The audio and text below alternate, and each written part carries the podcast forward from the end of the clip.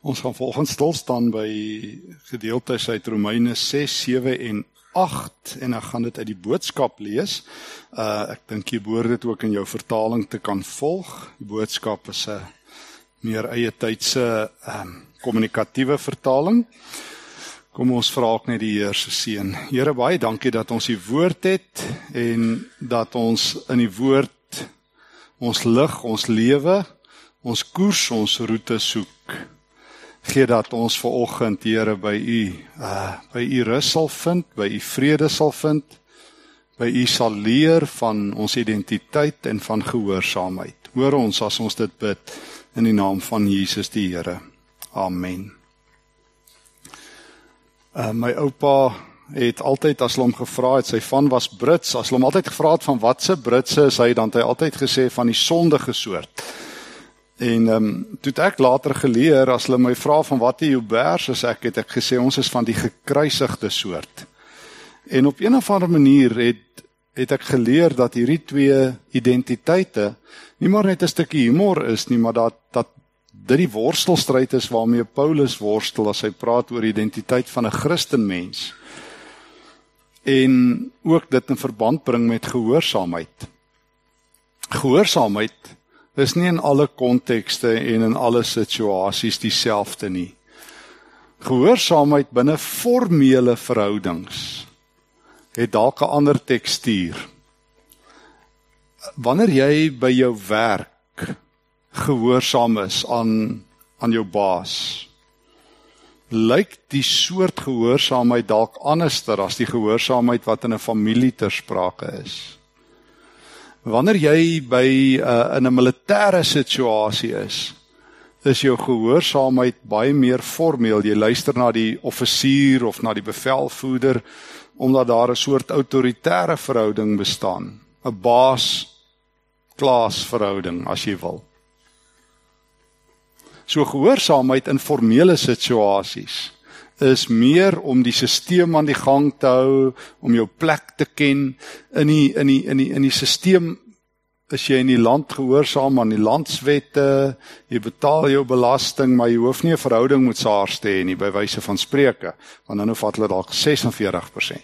Maar ehm um, feit is jy leer daar's verskillende plekke van gehoorsaamheid. So jy kry hierdie formele gehoorsaamheid. Dan het jy gehoorsaamheid wat baie meer verhouding is. Dit gebeur in families, tussen vriende. Wanneer my pa vir my gevra het tot gehoorsaamheid omdat ek 'n goeie verhouding met my pa gehad het, het dit 'n heeltemal ander karakter of 'n tekstuur of 'n inhoud gehad as wanneer toe ek diensplig gedoen het, die korporaal vir my gesê het ek moet gehoorsaam wees want daar's 'n verhouding tussen my en my pa. Daar's 'n formele situasie, 'n autoritaire situasie en as dit verby is, skuld ek nie gehoorsaamheid aan daai stelsel nie. Maar maar my pa en ek het 'n lewenslange verhouding. Verhoudingsmatige gehoorsaamheid. Klink nou 'n bietjie ingewikkeld, maar hierdie is die sleutel om die Nuwe Testament te verstaan. Paulus werk met beide in Romeine 6 tot 8. As hy praat met gelowiges, en hy wil vir gelowiges oproep tot 'n hoër standaard van gehoorsaamheid. Paulus begin ek wil in die middel inval in Romeine 7 en drie sulke fotobeelde deel. Dis nogal as jy dit lees en ou nie nogal moeite doen om die Romeinebrief goed te verstaan nie. Is dit nogal nie ingewikkeld nie, maar dit klink nogal vreemd. Maar maar verstaan dat Paulus in Romeine 7 vertrek hy van formele gehoorsaamheid. Hier's net 'n agtergrond um informasietjie om Romeine 7 te verstaan. Paulus dink hier aan gehoorsaamheid as formeel. Hy sê daar iets so iets verskrikliks in die wêreld gebeur. Ons almal ken dit. Dit staan bekend as S O N D E, sonde. En die wet was veronderstel, die wet van God, was veronderstel om sonde te hok, te arresteer, onder beheer te kry maar dit het nie. Die wet het nou so soort die baas geword en en jy moet nou maar probeer om die wet te hou om die sonde te breek, maar die verhouding wat jy met die wet van God het wat alle Jode het en wat met baie kerkmense gebeur het Ek onthou ek het my hele kinderdae elke Sondag die wet gehoor en ek het nie 'n goeie verhouding met die wet gehad nie want al wat ek gehoor het ek oortree dit. Dis gewoonlik wat jy hoor as jy die wet hoor, né? Nee, ook in die land. jy oortree die wet. En as jy die 10 gebooie hoor, dan was jy altyd um, in daai posisie van te min en te laat. Ek dink ons het almal ereklere vir wetsoortreding as ons nou lank gekerk en geblik is in die kerk. Want dis al wat ou Dominee Sondag oor die wet kon sê. Guilty as charged. Nee, ja, alweer skuldig. Elke week 13 minute oor 9 in my gemeente toe ek kind was. Wet gelees, hier teen 20 minute oor 9 het ons bely en teen 25 oor 9 het die dominee gesê net dalk nog 'n week speeltyd in die kerk. En dan preek en dan weet ons nie wat ons nou doen nie, maar uh, dit was maar 'n benarde posisie. Paulus deel hierdie soort siening van die wet in Romeine 7. Ek lees dit uit die boodskap wat wat die betekenis vertaal baie sterker as die letterlike. Paulus sê in Romeine 7 vers 9: Voordat daar 'n wet was, het ek nie mooi geweet wat reg en verkeerd is nie. Maar vandat God se wet op skrif gestel is, is daar nie meer 'n verskoning nie. Toe het sonde skielik name gekry. Ehm um, nou weet ek baie goed wat sonde is. Dit het my nie by die ware lewe uitgebring nie. Paulus bedoel, vroeër, voordat daar nie 'n wet was nie, het ek nie geweet ek mag nie my buurman se kamele steel nie. Nou weet ek ek mag dit nie steel nie, maar ek doen dit nog steeds. Ek weet net dis verkeerd. Dis al wat die wet met my gedoen het. Dit sê vir my dis verkeerd om te steel, maar daar spring nie 'n hamer uit die Bybel uit en slaan my op my kop as ek die bure se kamele gaan steel nie. Ek voel net skuldig, maar ek doen dit nog steeds. Verstaan, dis sy punt. Die wet rem jou nie. Dit sê net vir jou moet dit nie doen nie. Dis soos 'n rooi verkeerslig. Maar jy kan maar oor hom ry as jy wil. Ehm um, soos wat baie mense wil. Goed. Hy sê nou weet ek goed wat sonde is. Dit het nie by die ware lewe ingebring nie. Inteendeel, dit het my dieper in die doderyk ingesleep vers 11. Want sonde het sy kloue ook in die wet. Daarom kan die wet nie keer dat ek sonde doen nie. Dit het my eintlik 'n rad voor die oë gedraai. Kort voor lank pas ek in die doderyk met die wet en al. So al wat die wet met jou doen, sê Paulus, dit vat jou dieper. Ek probeer my bes om dit te gehoorsaam. Ek onthou as 'n jong ouetjie, toe ek 'n jong dominetjie was, het die ouens vir my altyd gesê, ek probeer maar. Ek hoop maar. Ek hoop maar vir die beste. Ek probeer dit darm hou.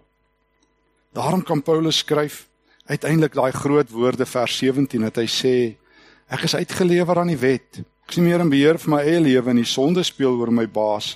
Ek weet ek is 'n sondaar. Hy sê ek wil doen wat reg is, maar as ek my kry aan doen ek weet wat verkeerd is. Dis wat gebeur as die wet jou baas word. Dan hoor jy Sondag God vra dit en dit en dit of in die week en Maandag, Dinsdag en Woensdag oortree dit, dan is jy weer in die gemors. So vriende, as jou identiteit, hier's die punt as jou identiteit en hoekom jy vanoggend in hierdie kerkgebou sit en hoe jy aan God dink bepaal word deur 'n formele verhouding wat deur die wet gereguleer word, dan is God eintlik niks anders nie as jou korporaal en jy is die ou wat net moet salieer en spring. Dan is daar nie 'n verhouding, 'n persoonlike verhouding nie. Die wet het nie 'n persoonlike verhouding met jou nie. Dit sê net reg, verkeerd, goed, nie daar nie jy's nie op standaard nie. Daarom roep Paulus uiteindelik as hy in hierdie hierdie formele gehoorsaamheidslewe leef, roep hy uiteindelik uit: Ek is 'n patetiese mens, vers 24. Ek leef in die doderyk. Wie kan my uit hierdie gemors uithaal waarin ek vasgevang is? Ek wil nie so leef nie. Ek onthou omdat ek in so 'n wettiese kultuur opgegroei het. Ehm um, en ek sien dit baie nog in die kerk as ek so rondom bond gaan by gemeentes kom en by met Christene praat. Is Christene se toegangsroete na God so half wetties. So ek moet hom net gehoorsaam en dan hoop ek die dinge sal werk. En uiteindelik sê Paulus as jy as jy so probeer dan jy net een ding. Ek het misluk. Want kan jy ooit by 'n plek in jou lewe kom dat jy genoeg na God luister? Kan een van ons wat in hierdie kerkgebou vanoggend sit sê Here, ek het daarom al ehm um, die wet genoeg gehou. Ek luister genoeg na u. Nee, daarom as jy hierdie roete vat, het jy een verklaring. Ek maak dit nie. Maar daar's 'n tweede fotobeeld. Daarom sê Paulus, luister, stop nou. Hou nou op om vanuit jou eie lewe na God toe te gaan. Hoor 'n slag God se kant van die saak. Want weet jy wat? God het ook 'n kant. En God wil jou sy storie vertel. Want jy het nou jou storie en jou storie is 'n mislukking en jy kan dit die res van jou lewe kan ons nou op hierdie lyn loop en ekskuus, ek is jammer die kerk het te lank op hierdie lyn geloop. Net my kant, want my kant is 'n mislukking. Hoe ingewikkeld is dit? Ek het ek wou baie keer as ek 'n jong ouetjie was vir die dominee sê, "Dominee, ek het die punt gekry hoor, dit al eerste Sondag in Januarie het ek al gehoor ek misluk. Hier teen Desember wil ek dit nie nog hoor nie. Dan wil ek darm nou al medisyne vir die pyne hê." Nou hier is die medisyne. Hier's God se medisyne. Romeine 6, tweede fotobeeld. So die eerste fotobeeld As jy probeer om deur die wet en deur gehoorsaamheid God se guns te vind, jy gaan nie. Nie as 'n gelowige nie, gaan nie. Jy kan nie genoeg luister na God dat hy jou sal raak sien nie. Jy kan nie soet genoeg wees nie. Jy moet iets daar moet iets anders gebeur. Paulus se tweede fotobeeld en ek lees dit steeds uit die boodskap Romeine 6 vers 1. Hy vra die vraag: Moet ek nou aanhou sonde doen dat God se genade kan meer word? Dink julle dis 'n briljante vraag nie? Stop gou bietjie. Paulus is 'n maestro, hy's 'n meester. Hy sê, luister. Ons sê nou God is genade, maar as ek nou aanhou sonde doen, dan kan God mos nou nog meer genadig wees. Ek het julle al vertel van die ou wat vir my gesê het, hy en God het 'n goeie verhouding. Hy hou van sonde doen en God hou van sonde vergewe. Nou, eh, is hy dalk reg? Dan sê Paulus, nee, hoegenaamd nie. Die sonde het nie meer hou vas op ons nie. Jy moet nou mooi hoor wat Paulus besig is om te doen. Hy skuif gelowiges van 'n formele gehoorsaamheid na 'n verhoudingsgehoorsaamheid. Onthou julle wat by die doop gebeur het? Toe ons in die naam van Christus gedoop is, het ons deel geword van alles wat met hom by die kruis gebeur het, van sy dood tot sy opstanding. Ons het saam met Jesus vers 4 die dood binne gestap, saam met hom lewendig uitgekom en dit het gebeur toe God hom met sy groot krag uit die dood laat opstaan het. Nou leef ons op 'n nuwe manier. Vers 5. Omdat ons saam met Jesus aan die kruis dood is, sal ons saam met hom oor die dood triomfeer. Vers 6. Daardie sondige mens wat ons eenmal was, is saam met Christus gekruisig. Ons ou self wat van vroeg tot laat agter sonde aangeloop het, is mors dood en begrawe. Ons is nie meer slawe van die sonde nie. Sonde het nie meer hou vas op ons nie. Vers 8. Ons wat saam met Christus gesterf het, sal saam met hom leef. Net soos wat Jesus nadat hy die dood opgestaan is nie weer sal doodgaan nie omdat die dood nie hou vas op hom het nie. Net so is daar ook in ons lewe dieselfde. Daarom is ons nie meer slawe van sonde nie. Hier is die tweede fotobeeld wat ons moet kry. Is nie so ingewikkeld nie. Die eerste een in Romeine 7 my eie toegangsroete tot God. Dan is die wet die prefek en die hoofseun en God is die een wat sê te min te min. Maar sê nou daar's 'n ander roete sê nou die roete is nie wat moet ek doen om God tevrede te stel nie. Sê nou die vraag is wat doen God om na my toe te kom? En nou sê Paulus, weet jy wat het Christus gedoen? En, en vriende, dit het ons nie vir, vir mekaar genoeg gesê nie en ek is die skuldige. Ek het dit ook nog te min gepreek in my lewe. Ons sê graag Jesus het vir ons sondes gesterf. Nou almal in hierdie kerk weet dit. Maar die een ding wat ons nie weet nie wat Paulus oor en oor en oor sê, ek is saam met Jesus gekruisig.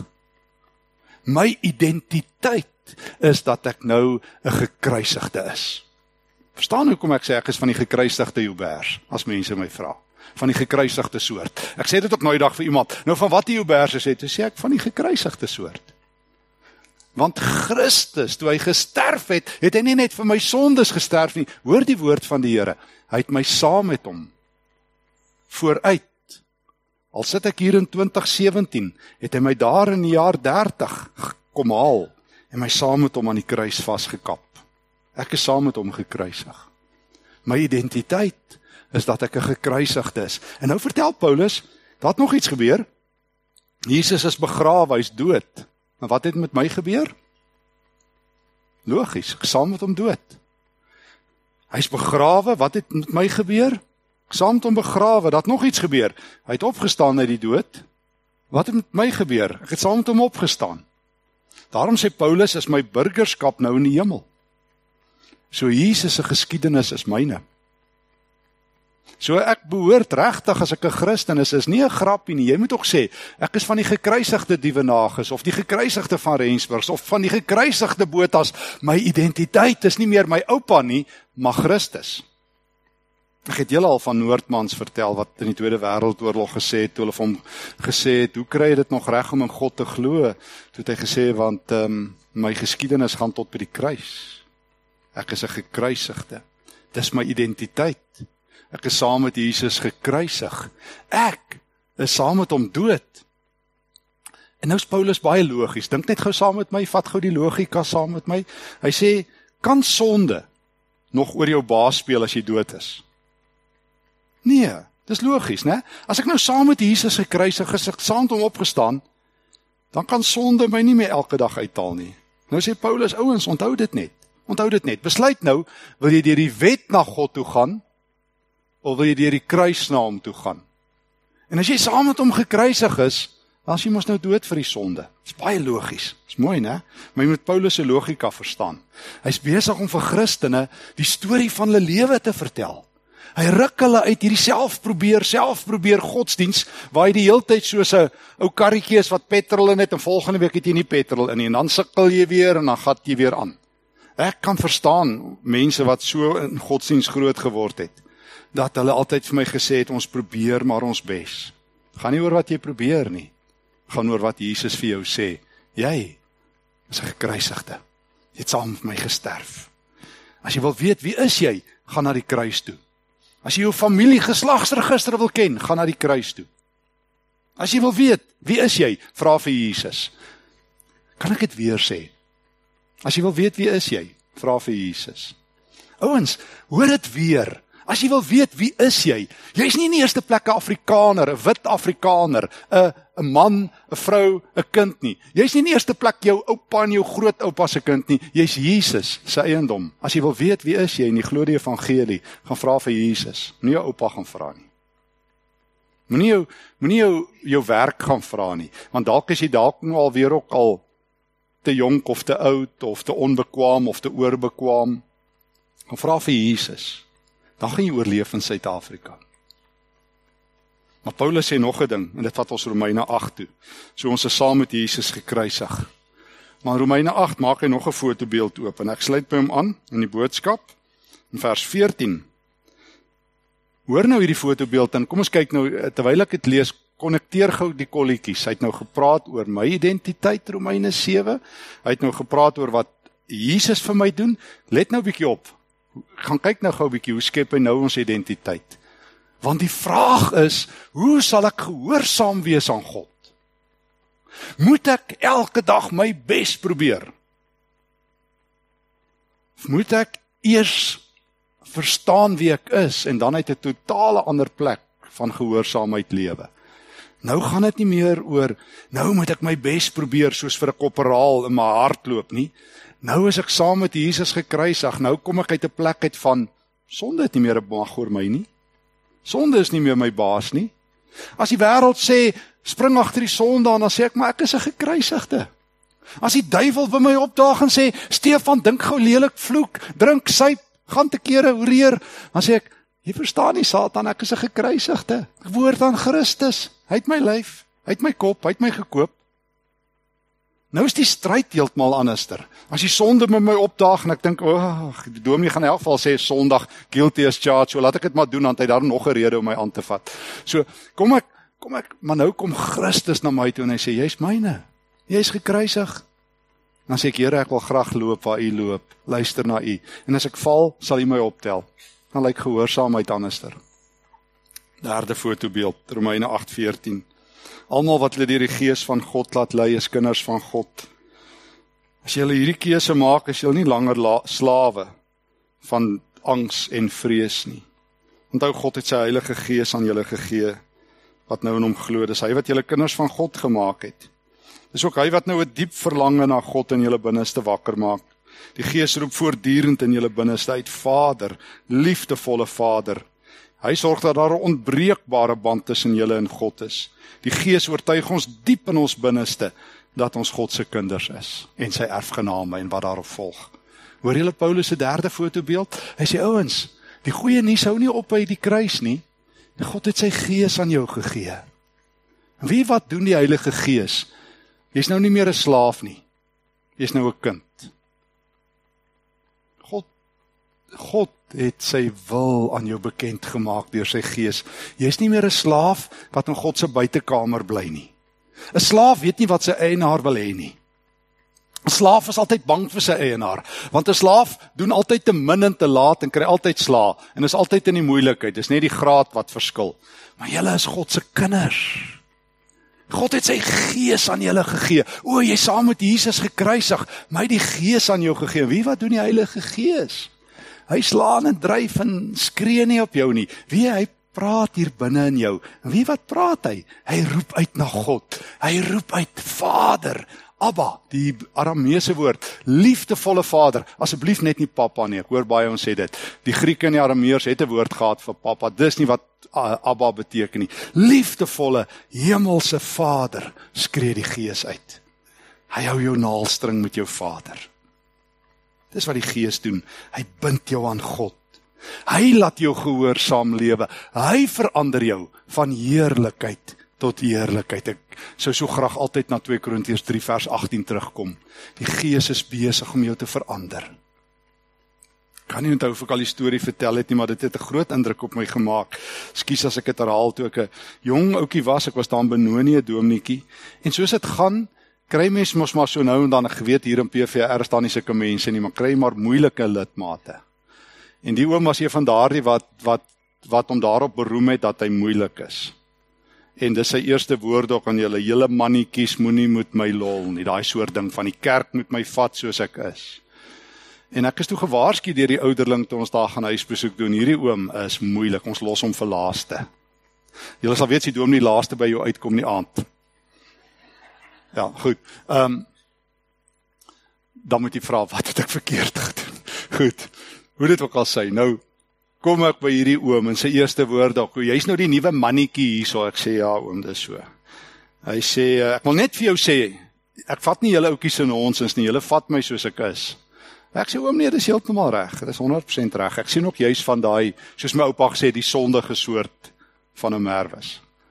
Hy sê ja, so gemaak en so gelaat staan. Ek sê oom nou, maar oom moet nou weet. Stefan vat oom net soos oom is, maar ek is mos nou in die Here se naam vandag hier. En weet hom wat? Die Here vat nie oom se twak nie. En die Here vat ook nie vir oom soos oom is nie. Want oom, ek wil gou vanaand vir oom die evangelie vertel. Want oom is nog oom se hele lewe besig om deur die wet by God uit te kom en oom is heeltemal reg. Oom gaan nie verander nie. Oom gaan bly soos oom is. Of oom kan die evangelie van Christus vanaand hoor en vir altyd verander. En weet hom wat? Ek is 'n gekruisigde. Ek is saam met Jesus dood. En oom, ek maak ook droog, maar oom, Jesus is my identiteit. En raai wat, oom? Die Heilige Gees is in my hart en hy roep uit na God.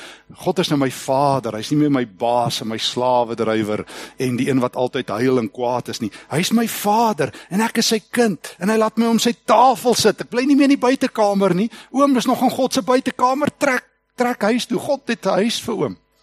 Nou bly maar in die buitekamer. Maar oom, as ek oor 6 maande weer by oom kom en oom het nog nie verander nie, dan gaan ek oom uit die gemeente uit laat loop. Want dan het oom nie die Here se woord gehoor nie. So ek wil graag ook vandag sê, hoor die woord van die Here. Jy kan of Romeine 7 se lewe leef. Of jy kan hoor. En is dit nie mooi nie Romeine 6 en 8 flank maak Romeine 7 toe. Paulus bou die die mure rondom Romeine 6, ag rondom Romeine 7, sodat jy nie 'n Romeine 7 slagoffer is nie. Hy sê dit doelbewus tussen hierdie twee groot hoofstukke. Sê vir jou jy's 'n gekruisigde. Jy's deur die Heilige Gees raak gesien. God se Gees is in jou. God is jou Vader.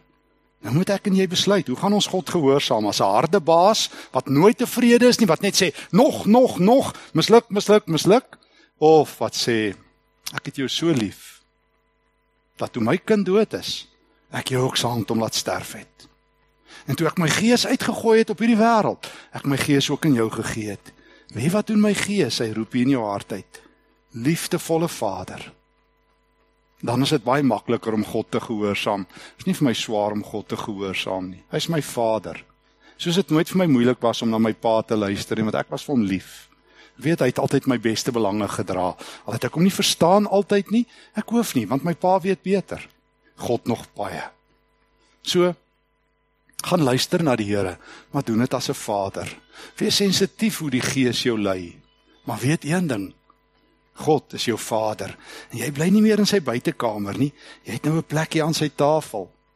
En en jy's so belangrik dat toe Jesus gesterf het, jy saam met hom gekruisig is en opgestaan het. Jy's 'n nuwe mens. Die ou dinge is verby. En ook vanoggend is God besig om jou te verander met sy liefde. Hoor die Here se woord. Amen. Dankie Here vir die woord. Dankie dat ons saam met Paulus, die groot apostel, kan reis wat so goed en ver en diep gedink het. Dankie dat u vanoggend 'n bietjie ons gedagtes, ons denke gereg het. En dankie Here dat ons by u kan leer van u liefde. Leer ons Here om gehoorsaam te wees as kinders in die Vader se huis.